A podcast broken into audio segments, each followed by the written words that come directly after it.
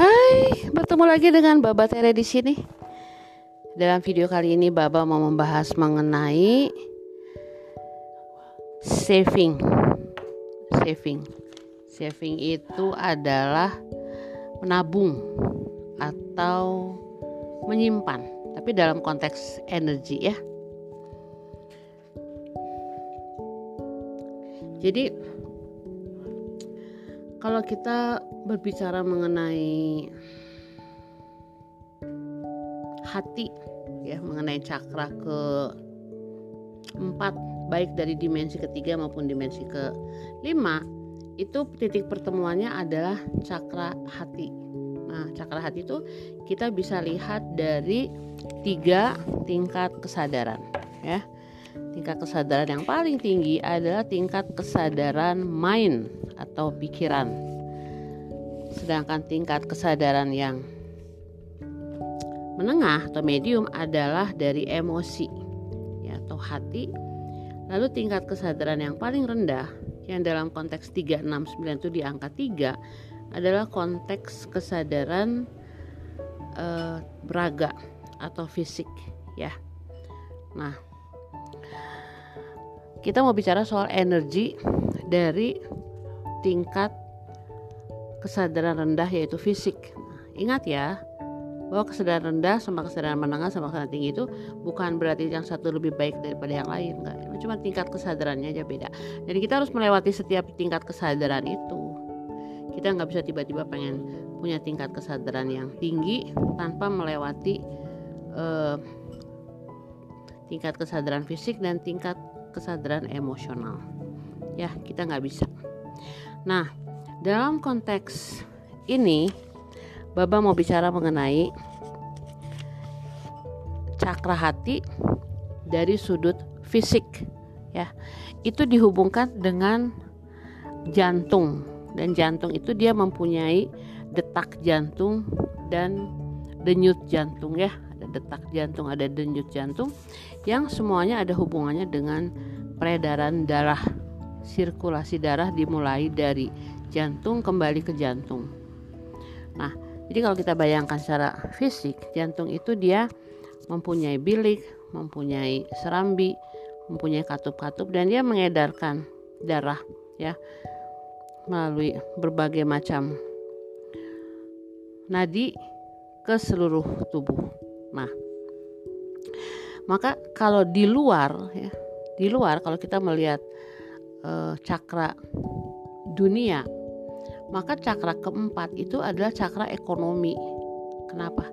Karena ekonomi itu adalah sesuatu ya, suatu struktur sistem yang dia bekerja sebagai pusat distribusi, pusat pengolahan uang. Lalu diedarkan ke seluruh bagian dari semesta sebelum balik lagi ke bank. Jadi sistem uh, produksi, sirkulasi, distribusi itu dia berpusat kepada apa yang kita sebut uang ya. Nah, dalam konteks ini maka kalau kita mau belajar what is within is what is without ya, as within so without, maka kita belajar koneksitas hati dan ekonomi ekonomi itu berasal dari kata ekos dan nomos ya. Ekos itu artinya aturan dalam rumah. Untuk apa? Untuk mengatur ya, melakukan administrasi di dalam rumah. Sesuai dengan kapasitas-kapasitas kita dalam memiliki barang-barang yang diperlukan, barang-barang yang kita butuhkan supaya kita bisa hidup dan dalam konteks kesadaran rendah itu hidup untuk bisa bertahan hidup. Jadi kalau dari dalam diri kita, kalau jantung itu tidak bisa melaksanakan fungsinya dengan baik, dia membuat kita tidak bisa hidup dengan sehat, dengan nyaman. Sama ekonomi juga. Kalau ekonomi itu tidak ada aturan yang jelas, yang pasti, maka nggak ada jangankan kemampuan untuk bertahan hidup kemampuan hidup untuk hidup saja nggak ada. Nah, di dalam setiap rumah itu kan kita punya dapur ya. Dapur itu adalah tempat untuk mengolah makanan bagi keluarga. Nah, hati kita juga itu secara fisik ya mempunyai fungsi yang sama. Tubuh kita itu diatur oleh peredaran darah. Dan darah itu didistribusikan ke seluruh bagian dari tubuh kita. Sama secara ekonomi juga, maka kita katakan energi uang itu diedarkan ke seluruh bagian dari tatanan masyarakat supaya setiap bagian dari masyarakat itu bisa bertahan hidup. Nah, kita akan masuk ke kesadaran yang lebih dalam yaitu kesadaran yang disebut kesadaran uh, natural atau alam ya. Ada perbedaan antara kesadaran di alam sama secara uh, sosial, secara sosial. Nah, dalam konteks ini alam itu dia mengatur. Dia mengatur apa sih? Dia mengatur energi. Ya, dia mengatur energi sedemikian rupa sehingga dia menempatkan energi-energi di tempat yang memang seharusnya uh, energi itu eksis. Nah, sementara kalau uh, jadi saya udah menjelaskan mengenai sistem distribusi ya distribusi uh, yang ada di dalam diri kita yaitu darah secara sosial yaitu ekonomi atau uang dan secara alam atau natural itu ada yang disebut energi kita akan membuat penjelasan yang lebih menyempit uh, yaitu tentang menyimpan tentang saving tentang menyimpan ya jadi saving atau menyimpan itu mempunyai konsep yang berbeda di alam dan dalam konteks sosial. Kalau saving secara sosial apalagi sosial ekonomi itu konteksnya adalah kita menyimpan untuk mengakumulasi barang-barang yang kita perlukan untuk bisa bertahan hidup. Ya. Jadi kebanyakan kita simpan untuk diri kita sendiri. Ya. Sehingga akhirnya gap antara yang the have sama the have not yang mampu dan tidak mampu itu semakin lebar ada ketimpangan nah tetapi kalau di alam itu secara natural yang disebut saving atau menyimpan energi itu tidak sama dengan menyimpannya untuk diri kita sendiri maka kita harus belajar dari alam bagaimana cara saving energi dengan cara yang benar. Ya. Nah, ini kita mau ngomongin soal fisika. Soal atom. Karena energi itu atom ya. Kita harus belajar dari hal yang paling-paling esensial dalam fisik yaitu atom. Ya. Atom itu eksis karena dia punya energi.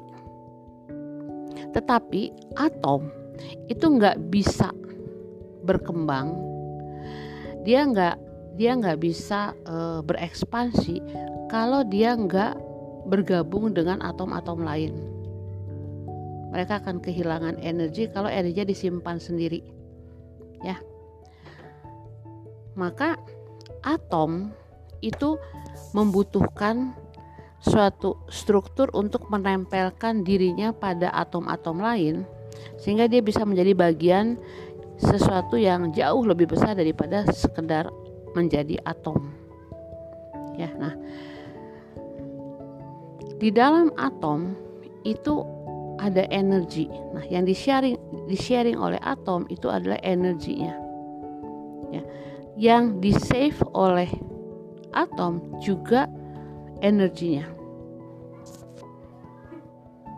Ya bayangkan ya, kalau ada suatu partikel di dalam realita kita, lalu dia itu nggak mau connect sama partikel lain, lalu dia menyimpan semua energi yang ada dalam partikel itu untuk dirinya sendiri, maka partikel itu akan berdiri sendirian.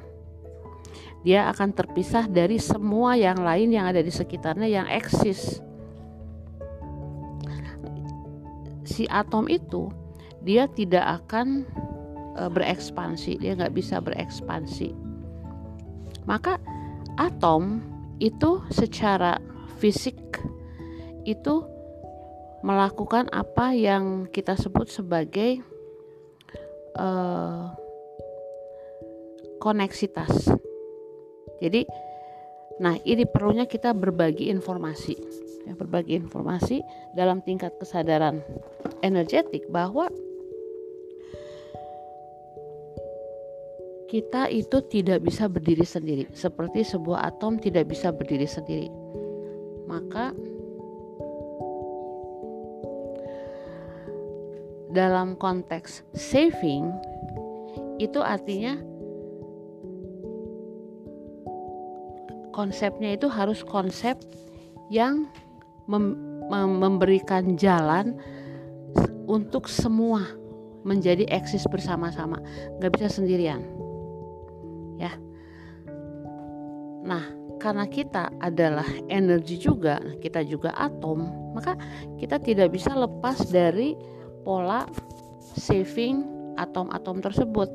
Nah bicara soal saving saving itu dalam bahasa Latin artinya salvare salvare. Salvare itu artinya uh, menjaga sesuatu melindungi sesuatu. Ya saving ini ada konteks uh, agama Kristen yang menyimpang dari akar kata saving itu. Jadi katakan kalau Yesus atau Nabi Isa itu menyelamatkan umat manusia, lalu dikira menyelamatkan itu adalah menyelamatkan dari kuasa-kuasa jahat atau evil, Satan dan lain-lain. Tapi sebenarnya enggak loh. Sebenarnya yang dilakukannya adalah dia itu taking care of uh, people. Jadi dia itu menjaga dalam kepeduliannya uh, umatnya dengan cara memprotek umatnya. Jadi saving itu konteksnya adalah taking care dan protecting. Ya taking care itu menjaga, protecting itu melindungi. Nah, jadi pada saat kita berbicara soal saving energy itu bukan berarti kita menyelamatkan energi, tetapi kita melindungi si energi itu supaya energi itu tidak menjadi sendirian tapi terus berekspansi dan berkoneksi dengan energi-energi lain. Ya dengan kata lain pada konteks saving secara energi dan dalam hal ini adalah melindungi eksistensi energi itu supaya tetap connect tidak ada hubungannya dengan akumulasi. Ya nah kalau di dalam kehidupan kita kita mikirnya saving itu mengakumulasi. Terus kita mikir bunganya berapa. Kita saving dalam bentuk tanah, emas, uang, relasi. Tapi kita mikirnya dalam konteks untung dan rugi. Sementara alam itu saving energi supaya bisa sama-sama dipakai secara kolektif dan gak ada hubungannya dengan untung dan rugi.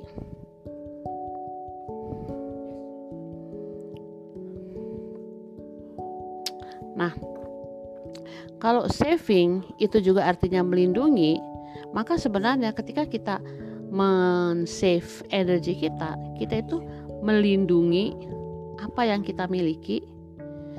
Juga kita itu membuat suatu eh, apa ya, suatu regulasi untuk orang lain supaya orang lain itu juga bebas berelasi dengan apa yang uh, dia miliki tetapi tidak untuk dirinya sendiri.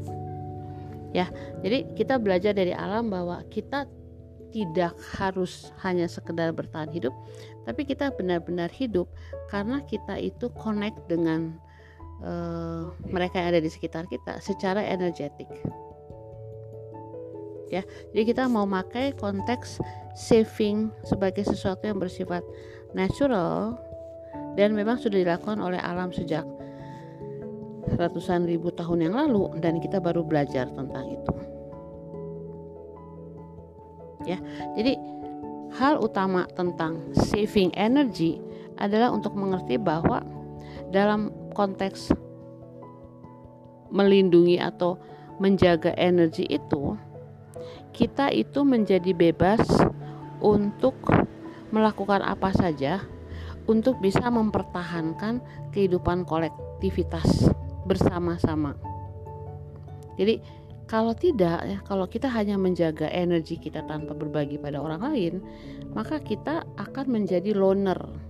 Kita akan hidup sendirian dan kita hanya benar-benar sekedar bertahan hidup ya kayak zombie, kayak matrix, kayak robot.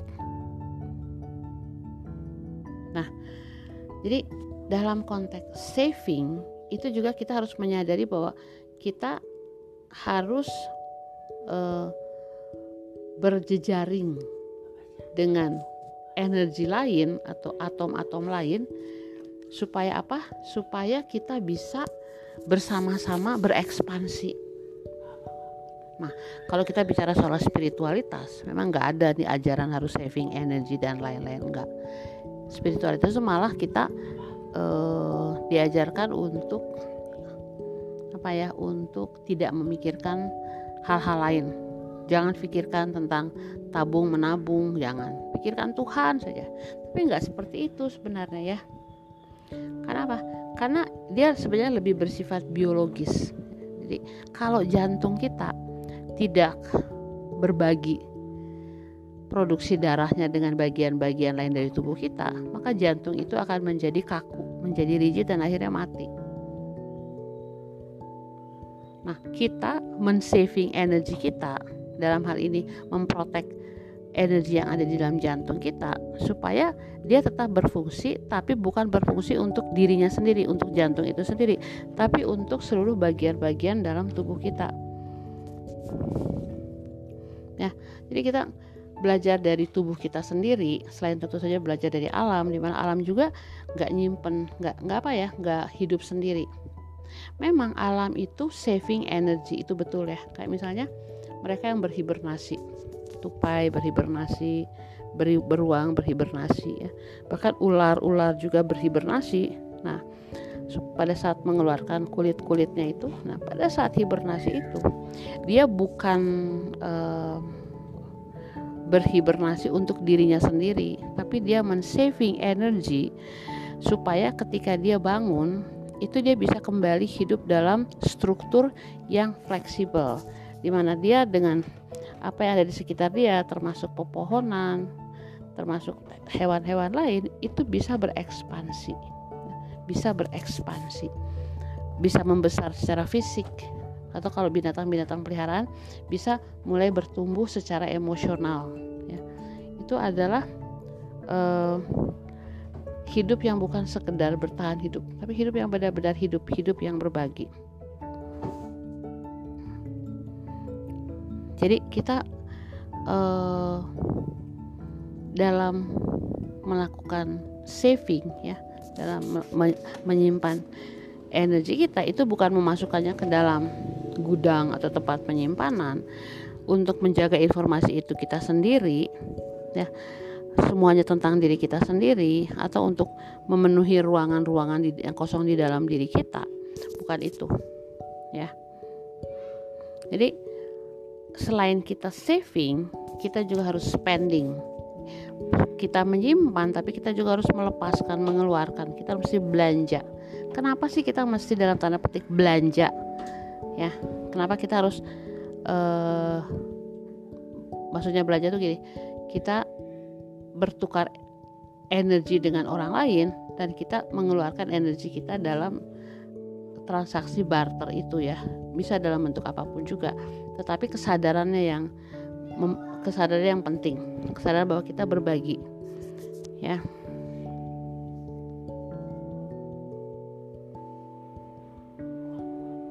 Jadi pada saat kita spending pada saat kita mengeluarkan energi kita kita tuh sebenarnya nggak ini loh nggak rugi apa pun. Karena nanti energi baru akan hadir ke dalam hidup kita. Dan itu adalah pesan utama dari podcast ini. Kita harus berani muterin energi itu ya. Nah, energi itu bisa berbentuk uang. Jadi eh, bapak belajar berbagai relasi tentang uang ya uh, ada suatu saat di mana uang uang itu selalu berlimpah sih, selalu berlimpah dari berbagai cara. Tetapi pada saat si uang itu diputar, dibiarkan dia menari dengan orang lain sebagai energi, lalu uang itu berekspansi. Berekspansi bukan saja untuk uh, membuat orang lain lebih banyak uang, tapi juga mendatangkan uang yang lebih banyak pada kita itu dalam hal uang ya. Tapi kita bisa melakukan dalam banyak hal sih. Ya kita bisa uh, melepaskan sesuatu. Kita bisa melepaskan lah. Kalau kita nggak melepaskan itu ya kita akan uh, terjebak. Jadi spending dan saving itu adalah suatu lingkaran yang tiada hentinya. Dia berputar, berputar terus. Maka kita harus ya, harus dengan sadar melet go sesuatu, melepaskan sesuatu. Kita harus move on. Ya, kita harus tinggalkan apa pun itu, barang-barang, kenangan lama, relasi untuk berekspansi. Kita harus berani untuk membawa hal-hal baru dalam hidup kita entah itu lagu baru, entah itu uh, teman baru, entah itu pola pikir baru, barang-barang baru. Nah, itu yang disebut dengan saving energy secara kolektif. Ya, jadi kita mikirnya jangan kita ngeluarin, ngeluarin, ngeluarin energi. Kita melakukan saving atau menyimpan energi dengan cara berkoneksi atau berjejaring dengan energi-energi lain dan itu adalah kunci untuk bisa merealisasi law of manifestation. Law of manifestation itu hanya bisa kita capai pada dimensi kelima itu ketika kita sadar kita punya energi apa pun itu ya energi cinta, energi intelektual, energi uh, kerja keras, energi disiplin, energi kerendahan hati. Kita punya energi ada di dalam diri kita. Kita udah punya itu lalu kita berjejaring dengan orang lain yang juga nggak cuma nyimpan energinya untuk diri sendiri tapi juga mau berekspansi. Nah, dalam ekspansi itu kita bayangkan ada atom. Nah, atom dalam diri saya itu bertemu dengan atom dalam diri orang itu lalu menjadi suatu uh, electrical charges, suatu apa ya, pertemuan dua listrik yang sangat-sangat powerful. Dan itu menghasilkan vibrasi elektrik magnetik yang sangat-sangat powerful yang akhirnya apa? Akhirnya menciptakan apa yang kita inginkan khususnya materi atau person itu hadir dalam hidup kita tetapi kekuatannya dari dalam diri kita bukan dari luar diri kita kalau law of attraction itu kita mengharapkannya dari luar ya, kita uh, masih melihat keluar dari kita tapi kalau love of manifestation kita tahu bahwa energi itu ada di dalam diri kita dan kita berkolaborasi dengan orang lain yang juga berekspansi lalu kita yang akan membawa kebahagiaan dalam hidup ini. Contohnya gini ya kalau misalnya kita punya uh, X rupiah dengan X rupiah itu kita punya nih ya love of manifestation lalu kita mau spending holiday sama kita mau spending holiday ya pergilah kita sendiri dengan sejumlah uang itu. Maka ekspansi kita tidak akan sebesar kalau misalnya dengan X rupiah itu kita gabungkan dengan E rupiah dari orang lain, Z rupiah dari orang lain lalu menjadi suatu kolaborasi energetik finansial. Lalu kita liburan bareng. Lalu apa yang terjadi? Ekspansi dari energi yang kita save lalu kita spendingnya sama-sama dan pada saat kita spending energi itu maka energi yang baru akan masuk ke dalam kehidupan kita. Dan kita akan melakukan tarian yang disebut tarian semesta saving and spending secara kolektif bukan lagi individual ya. Jadi teman-teman ingat kita adalah atom dan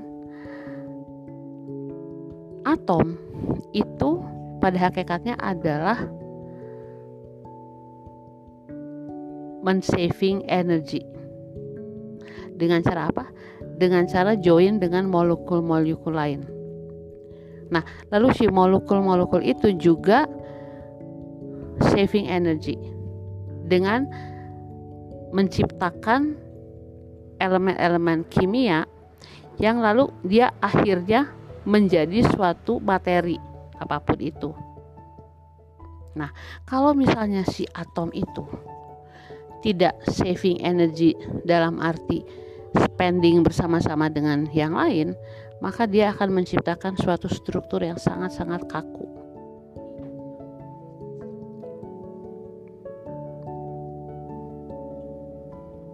Maka kalau dalam suatu struktur yang sangat-sangat kaku gitu ya, kita lihatnya struktur yang sangat kaku ya, eh, lembaga-lembaga yang kaku banget. Mereka nggak mau kerjasama dengan lembaga-lembaga lain. Pokoknya kita, kita, kita, mereka mah beda. Itu akan membuat suatu struktur yang sangat rigid yang sudah berlangsung ribuan tahun. Dan apakah ada kebahagiaan dari struktur rigid itu? Enggak. Mungkin para pemimpin yang karena mereka bisa memanipulasi uang dari anggotanya, tapi bukan kebahagiaan sejati. Kebahagiaan sejati itu dengan cara berekspansi dengan molekul-molekul lain. Maka diperlukan yang diperlukan adalah, adalah hanya satu atom atau satu molekul yang lepas. Maka begitu satu molekul itu lepas, maka struktur juga akan lepas, akan loose, akan tidak terlalu ketat lagi.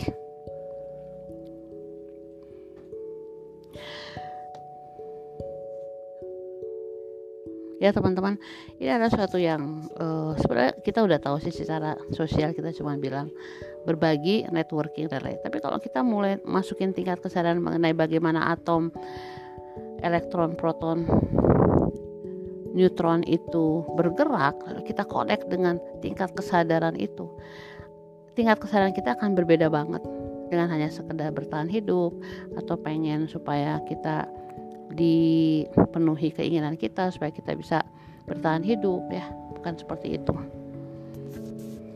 nah maka kalau kita hubungkan dengan kesadaran kita tahu bahwa dari tingkat kesadaran tinggi kita butuh transformasi. Apa sih transformasi?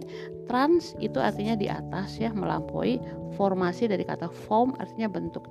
Kita mau melampaui kesadaran kita dari suatu bentuk yang kita lihat ya. Misalnya nih um, kalau kita ngelihat seorang pengemis yang minta-minta di jalan kita bisa milih. Kita melihatnya sebagai seorang pengemis yang minta-minta dan secara sosial malas tidak bekerja eh, benalu parasit masyarakat atau kita melihat dia sebagai suatu alat transformasi bahwa mungkin kontrak jiwa dia adalah jadi pengemis supaya menggugah hati ratusan orang yang lalu lalang di tempatnya setiap hari untuk mempunyai belas kasih. Nah, pada saat kita mempunyai belas kasih, maka kita tidak lagi menghakimi. Kita sudah naik pada tingkat kesadaran dimensi kelima. Ya, itu cuma tinggal pilihan sih. Nah, transformasi itu artinya apa sih? Transformasi adalah ketika saya mampu untuk menjadi diri saya sendiri pada realita yang lain, pada tingkat kesadaran dimensional yang lain. Maka transformasi itu bisa juga terjadi dalam hal fisik. Ya, ketika kita sadar bahwa kita adalah molekul, molekul.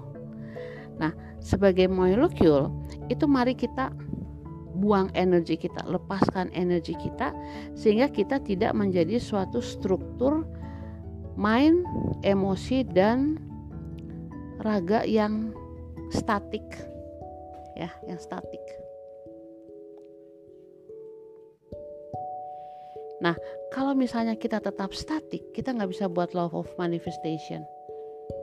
Kita hanya bisa menjadi melaksanakan law of manifestation kalau misalnya kita itu melepaskan energi sehingga akhirnya energi itu bisa bertransformasi sendiri menjadi sesuatu yang bu yang berbeda. Sesuatu yang berbeda ya.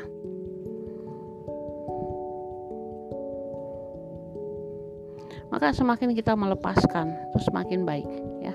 Kita keluar dari sistem yang lama kita e, lepaskan energi kita. Bisa dengan berbagai macam cara sih ya. Kita bisa misalnya belajar sesuatu yang baru ya, belajar sesuatu yang baru. Kalau dalam kehidupan anda anda pengen sekali belajar musik belajar. Cari cara gimana untuk belajar. Jangan bilang nggak ada uang buat les musik. Cari tetangga yang bisa ngajarin musik ya. Atau anda lepaskan sesuatu lepaskan. Once in a while ya. Sering lepaskan sesuatu. Eh, baju-baju bekas yang nggak dipakai lagi barang-barang di rumah yang nggak dipakai lagi ya. Lepaskan jangan numpuk itu. Jangan akumulasi. Ya karena akumulasi apa yang kita akumulasikan di gudang kita itu adalah kita. Coba anda lihat gudang anda. Seberapa banyak memori-memori masa lalu yang disimpan sehingga menjadi statik rigid lalu enggak lalu kita mikir kok teman kita itu itu aja? Kita nggak punya teman baru. Orang-orang nggak mau berteman sama kita? Ya karena kita men save energi kita di gudang kita dengan cara mengakumulasi barang-barang yang ada dan tidak ada perputaran ya atau kalau sesuatu yang tidak pernah anda lakukan anda lakukan uh, misalnya nih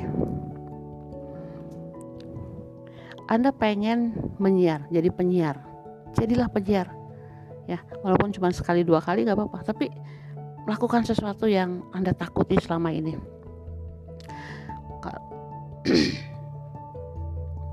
Karena energi takut itu membuat kita rigid. Kita harus melepaskan energi itu. Caranya gimana? Saving energi takut adalah dengan berbagi cerita tentang ketakutan itu pada orang-orang lain, lalu kita berbagi energi ketakutan itu secara kolektif, maka lalu energi ketakutan itu akan bertransformasi ke tingkat kesadaran yang lebih tinggi. Biasanya biasanya lebih berbentuk belas kasih. Jadi ketika kita pulang ke rumah masing-masing, lalu kita melihat ada anggota keluarga kita yang takut, maka kita nggak akan bilang gitu aja takut.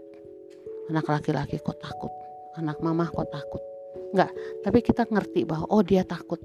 Ya udah uh, kita saving energi kita dengan berbagi pengalaman kita keluar dari ketakutan itu lalu bilang bahwa kalau kamu masih takut yuk ditemenin. Nggak apa-apa takut tapi lama-lama kamu harus tahu bahwa bukan kamu sendiri yang takut bahwa orang lain juga takut.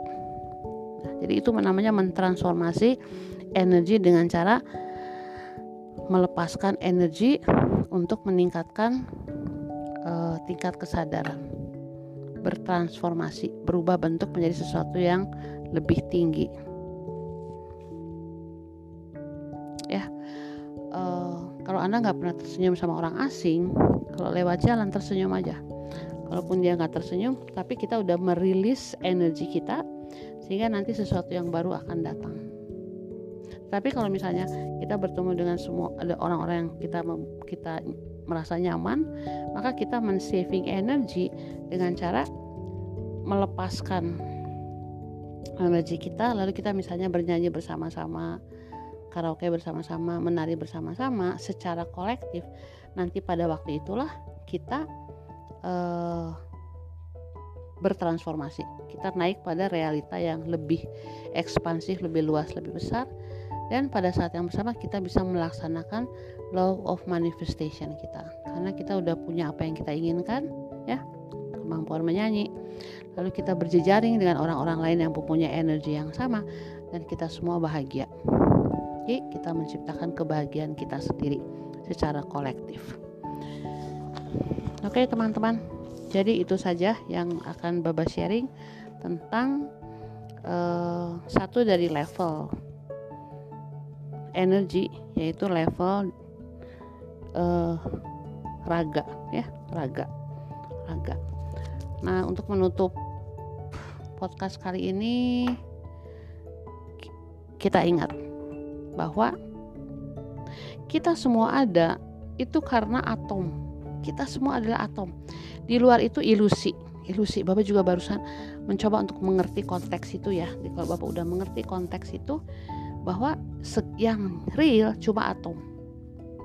Lalu atom itu dia bertransformasi menjadi cakra-cakra menjadi titik-titik energi lalu dia bertransformasi melalui cahaya dan puji lalu menjadi fisik. Entah itu fisik manusia pohon binatang batu apa pun juga tapi intinya adalah atom dan atom itu adalah energi. Energi yang paling primal paling core paling utama. Nah maka belajarlah dari atom-atom itu. Atom-atom itu nggak bisa berdiri sendirian. Mereka selalu berbagi nempel dengan molekul lain atom lain supaya apa? Supaya mereka men-save energi secara kolektif dengan cara itu maka diversity atau perbedaan-perbedaan akan eksis. Itu hanya terjadi karena atom itu memberikan izin pada dirinya untuk lepas, untuk melepaskan energi dia sehingga akhirnya dia bisa bersatu dengan energi-energi atom lainnya. Dan kita adalah seperti itu. Kita adalah atom yang men-save energi melalui cara dengan cara nempel pada atom lain sehingga kita menjadi suatu uh, kesatuan oneness. Oke, sampai sini saja. Semoga memberikan inspirasi dan teman-teman harmonis ya.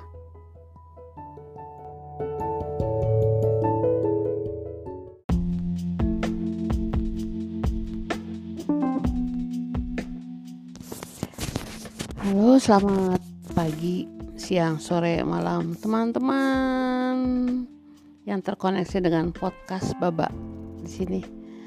Baba mau bercerita mengenai meditasi tadi pagi, tanggal 30. Hari ini tanggal 30 ya.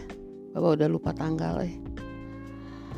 Oke, okay, uh, eh, teman-teman. Jadi dalam meditasi pagi ini Bapak memfokuskan diri seperti beberapa hari sebelumnya, fokus ke aktivasi cakra di Danau Kelimutu. Jadi memang konsep aktivasi cakra Nusantara ini masih awam banget dan sesuatu yang baru. Dalam konteks global itu dilakukan juga oleh para pekerja cahaya dari berbagai tempat di belahan dunia yang berbeda-beda itu mereka pergi ke tempat-tempat tertentu di alam lalu mereka connect dengan alam ya connect dengan batu dengan gunung dengan danau dengan air. Nah, jadi maksudnya dia bukan sesuatu yang aneh gitu ya. Sesuatu yang memang dilakukan oleh pekerja cahaya untuk connect dengan bumi dalam level energi. Ya banyak sekali pekerja cahaya yang melakukan koneksitas dengan bumi. Uh, misalnya dengan membantu mengurangi polusi, menyadari akan global warming, bicara dengan air, bicara dengan pohon, dengan batu dan lain-lain. Jadi ada banyak sekali cara untuk connect dengan ibu bumi. Ya. Nah, teman-teman, dalam meditasi pagi ini, Bapak memvisualisasikan ada di Danau Kelimutu. Lalu di depan hadapan Bapak itu ada tiga danau. Danau itu sekarang lagi berwarna biru, hijau, dan nah itu dia. Yang saat itu nggak jelas apakah dia merah atau dia coklat atau hitam ya. Uh, kita akan ke sana dua minggu lagi. Nah, dalam meditasi ini Baba pikir ah bagaimana kalau visualisasinya masuk aja ke danau-danau itu pada awalnya ada rasa takut sih tapi bapak pikir ya udah masuk. Lalu bapak memvisualisasikan bapak masuk ke danau-danau itu. Yang terjadi adalah kesadaran bahwa ketika secara raga dalam konteks apa ya astral masuk ke danau-danau itu ternyata yang terjadi adalah penyatuan atom dan atom jadi oh ternyata bapak pikir hmm, dalam pikiran bapak kan kayak nanti kita merasakan uh, panas itu karena katanya danaunya juga panas kan itu volcano ya. Terus nanti kita merasa mendidih terus kita merasa terbakar dan lain-lain. Ternyata enggak loh. Ternyata ketika masuk lalu kita berubah jadi atom dan bersatu dengan air yang adalah juga atom. Dan pada saat itu Bapak sadar bahwa yang disebut uh, dalam video sebelumnya ya saving energy atau connecting dengan jejaring itu konteksnya adalah atom dengan atom.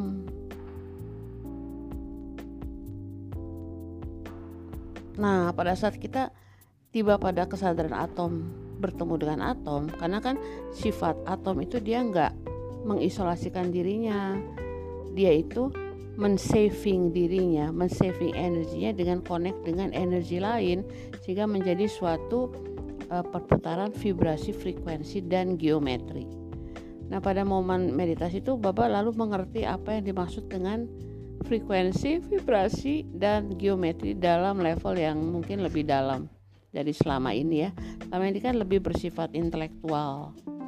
Kayaknya tadi bersifat fisik Nah itu adalah hasil dari meditasi tiap hari global meditasi uh, yang diikuti ya, diikuti kalau anda ingin ikut tuh ada di Facebook Baba di di mana ya di status WA group itu tiap hari Baba pasang. Nah kalau kita ucapkan 5 menit saja setiap hari itu lalu kita connect dengan atom-atom yang merepresentasikan mantra-mantra itu Kayak misalnya saya adalah bagian dari evolusi yang tidak ada habis-habisnya. Saya adalah bagian dari buah evolusi. Itu kalau diucapkan 5 menit setiap hari itu mencapai uh, suatu apa ya, suatu koherensi koneksitas dengan atom ternyata. Jadi kita tuh sekarang uh, sadar atom. Nah, dalam meditasi tadi pagi lalu setelah Baba ternyata menyatu dengan atom dan yang Baba takutkan tentang melepuh, terbakar, tenggelam itu nggak ada ternyata. Yang ada adalah persatuan dengan atom-atom itu. Lalu Baba sadar bahwa Danau Kelimutu itu adalah entitas yang hidup. Dan dia berkomunikasi lewat cahaya, lewat warna. Ya warna adalah cahaya yang diproyeksikan lalu kembali dalam bentuk warna-warna tertentu. Nah, Danau Kelimutu adalah satu-satunya danau di dunia yang mempunyai tiga kaldera atau tiga danau ya, di mana warnanya berubah-ubah. Itu kalau dihitung-hitung, ada satu danau yang berubah mungkin lebih dari 22 kali, ada yang 30 kali, ada yang 19 kali dalam kurun waktu sejak diketemukan oleh orang Belanda tahun 1920-an. Jadi danau ini berkomunikasi secara uh, cahaya itu kan hmm, vibrasi ya. Cahaya itu vibrasi dalam frekuensi atau waktu yang berbeda-beda. Lalu mewujudkan suatu materi yang adalah warna ya kalau anda udah menyimak video-video saya sebelumnya itu ada segitiga frekuensi vibrasi dan geometri. Frekuensi itu nama lainnya adalah waktu. Vibrasi nama lainnya adalah uh, apa? Vibrasi teh ruang ya. Nah perpaduan antara frekuensi dan vibrasi itu menghasilkan geometri. Geometri itu ada uh, dua. Pertama itu namanya cahaya.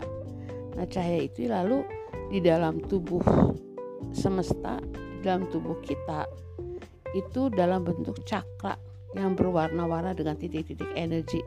Tergantung dari dimensi keberapa dari dimensi 3 atau dimensi 5 ya.